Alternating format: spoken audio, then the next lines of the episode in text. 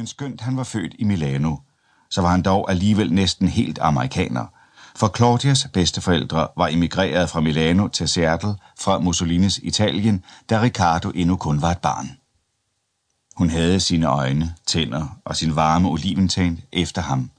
Men de af hans værdier, som hun misbilligede, forsøgte hun stadigt at frigøre sig fra ved konsekvent at gøre det stik modsatte. Som en reaktion på den lovløshed, der også var i hans karakter, havde hun valgt at studere jura, og da han var republikaner, var hun blevet demokrat. Længe inden hun anede blot det allermindste om politik. Da penge og besiddelser betød så meget for ham, havde hun med fuldt overlæg sagt nej til et job til 200.000 dollars om året, som hun havde fået tilbudt, efter at hun havde taget sin juridiske embedseksamen som nummer 5 i sin årgang, og havde i stedet taget et job til 40.000 om året hos borgerretssammenslutningen.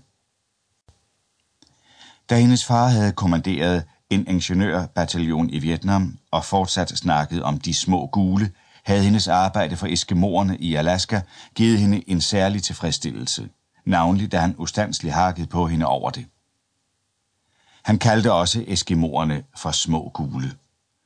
Men nu havde hun alligevel lavet ham overtale sig til at tage med ham til Afrika, og det var skrækkeligt, for han var her udelukkende for at myrde dyr, og ved at tage med var hun automatisk blevet hans medskyldige. Derhjemme havde hun utrætteligt og uden løn deltaget i arbejdet for Alaskas Natur- og Dyrebeskyttelsesforening, som brugte størsteparten af sine midler på en hård kamp mod olieselskaberne og deres naturødelæggelser.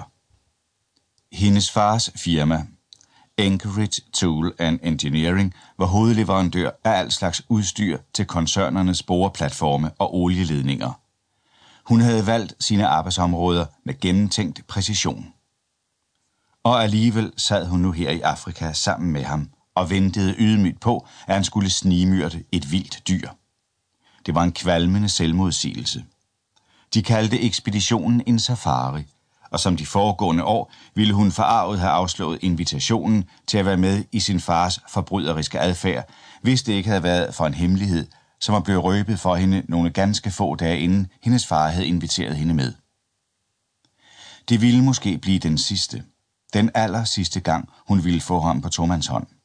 Tanken forfærdede hende endnu mere end det totalt forkastelige, som de var i færd med. Åh Gud, tænkte hun, hvad skal jeg dog stille op uden ham? Hvad bliver der af min verden, når han er væk? Igen ramte tanken hende hårdt, og hun drejede hovedet og så sig tilbage. Og det var hendes første bevægelse i to stive timer. En anden mand sad lige bag hende i skjulet, den professionelle jæger. I årenes løb havde hendes far været med ham på en halsnis andre safarier, men Claudia havde truffet ham for første gang for fire dage siden, da de var steget af flyet i Harare, Zimbabwes hovedstad.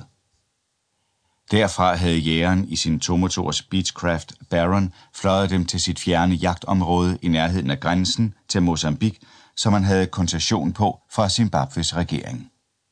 Han hed Sean Courtney. Skønt hun kun havde kendt ham i fire dage, afskyede hun ham, som om hun havde kendt ham hele sit liv.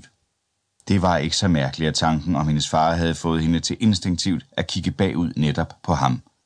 Også han var en farlig mand, hård, hensynsløs og så uforskammet køn, at alle hendes instinkter skreg deres advarsler mod ham.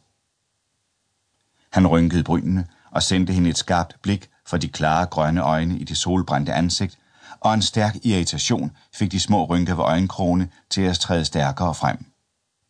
Med en enkelt finger rørte han ved hendes ene hofte for at påbyde total ubevægelighed. Og skønt berøringen var let, mærkede hun den foruroligende maskuline styrke i den ene finger. Hun havde for længst bemærket hans hænder og havde forsøgt ikke at lade sig imponere af deres smukke form. En kunstners hænder, havde hun tænkt i det første øjeblik, eller en kirurgs, eller en dræbers. Men den bydende berøring fornærmede hende. Hun følte det, som om hun var blevet udsat for et seksuelt overgreb. Hvor tog han dog våge at røre ved hende? Stedet på hendes hofte sved, som om han havde brændemærket hende med sin finger. Inden de den eftermiddag forlod lejren, havde Sean insisteret på, at de alle skulle tage et styrtebad og vaske sig med en særlig type uparfumeret sæbe, som han gav dem. Han havde advaret Claudia.